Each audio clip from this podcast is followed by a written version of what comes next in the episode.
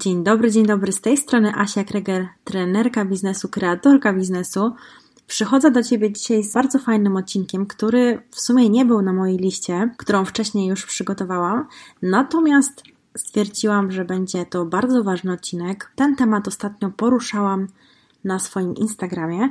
A mianowicie chciałabym dzisiaj z Tobą porozmawiać o tym, czym jest work-life balance dla mnie, jak trudno jest go zachować prowadząc swój własny biznes i opowiem Ci troszeczkę o takich rzeczach, które pomagają mi ten work-life balance utrzymać. Więc e, ostatnio na swoim Instagramie mm, napisałam taki wpis, że uwielbiam swoją pracę, ale naprawdę czasem bywa ciężko. Zachęciłam tutaj wiele osób do tego, żeby zostały i przeczytały ten wpis, Wiecie, ja lubię takie właśnie teksty z wydźwiękiem girl power, girl boss, jesteś super, dasz radę.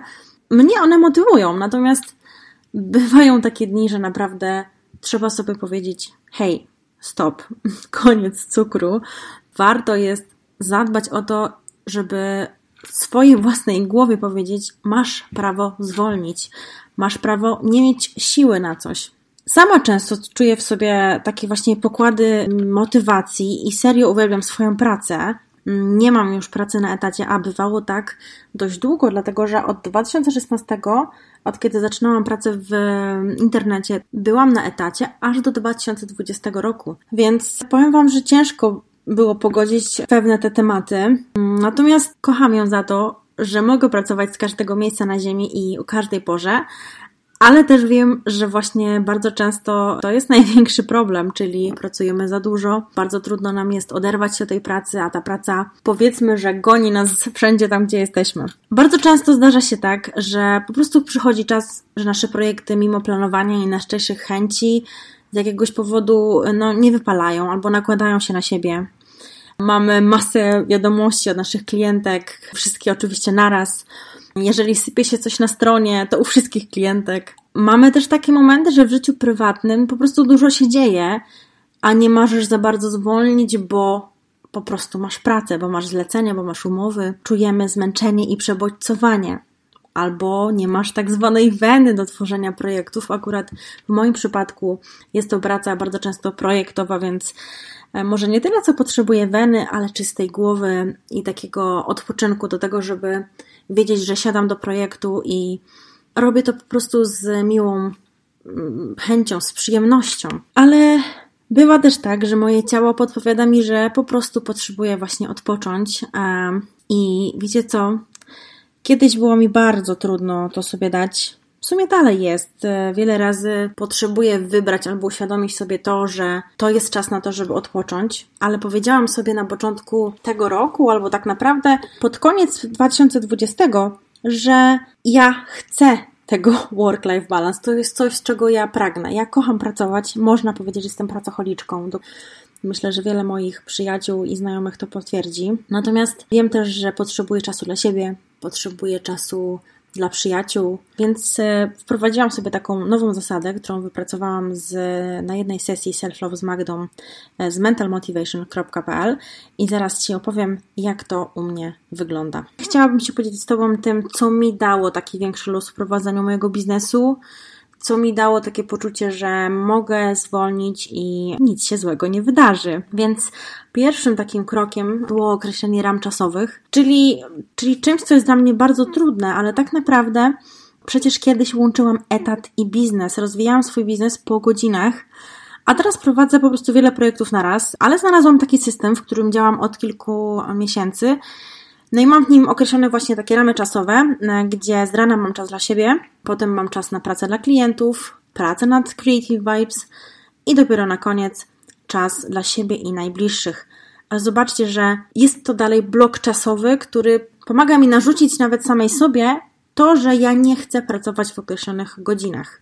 Oczywiście bywa różnie. Jeżeli jest to coś takiego, jest to zachwiane, to bardzo często wynika to z tego, że podczas godzin pracy robię coś prywatnego albo odpoczywam, więc wtedy po prostu samo istnie to się poprzesuwa. Jest to mój świadomy wybór i e, nie jest to coś, co po prostu burzy mi gdzieś tam jakąś taki mój spokój, hierarchię ważności i tak dalej. Następnym takim krokiem, który pomaga mi, żeby po prostu czuć się bezpiecznie i tak to można nazwać, komunikacji jest taki ogólny plan komunikacji. Już nawet nie mówię tutaj o takim wielkim planie komunikacji, tylko o czymś takim podstawowym.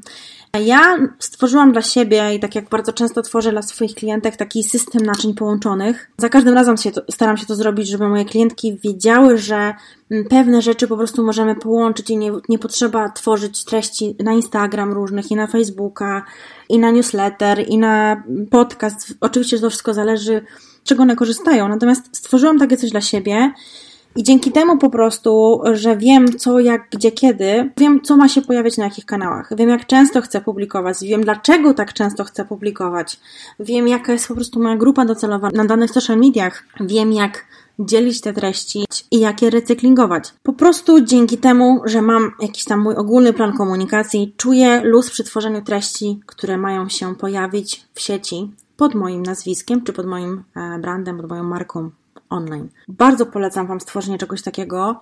Myślę, że może zaoszczędzić to Wam wiele godzin pracy, wiele godzin frustracji, która e, pojawia się w trakcie tworzenia jakichś tam nowych, nowych treści. Takie ogarnięcie tego, takich tematów jest e, dużo łatwiejsze, jeżeli ktoś Wam w tym pomaga.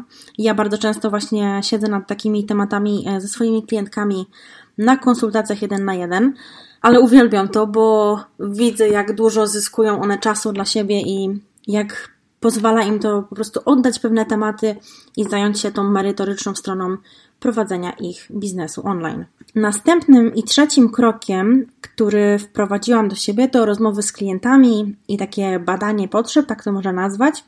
Mm, ja nieustannie chcę się rozwijać. Mm, myślę, że wiele osób ma podobnie. Myślę, że mam tutaj naprawdę w 90% rację. Żebym miała się rozwijać, potrzebuję wiedzieć, co mam dalej robić, jak mam rozwijać ten swój biznes, jakie produkty wprowadzać i tak dalej.